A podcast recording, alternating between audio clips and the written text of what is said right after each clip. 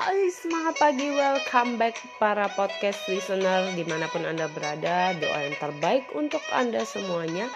Dan di kali ini Fitri mau membawakan podcast berikutnya yaitu tentang uh, impian Nah kalau di podcast sebelumnya saya sudah bahas tentang goal. Jadi goal ini juga berkesinambungan dengan namanya impian. Jadi impian ini, dream ini penting sekali ya. Kenapa kita perlu buat yang namanya dream box? Kita penting punya impian. Karena impian inilah yang mengajari kita menjadi satu penggerak untuk kita melakukan sesuatu.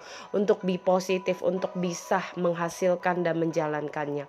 Jadi teman-teman hari ini yang mau saya bahas bahwa pentingnya itu seperti apa jadi impian ini justru yang menjadi motivasi di saat kita sudah mau down, kita sudah merasa kita tidak sanggup lagi, kita merasa kita gagal, kita tidak mampu, kita jadi ingat, oh ada impian yang mau saya kejar, ada orang yang mau saya bahagiakan, ada sesuatu yang mau saya capai yang harus saya achieve di tahun ini, di bulan ini dan sebagainya.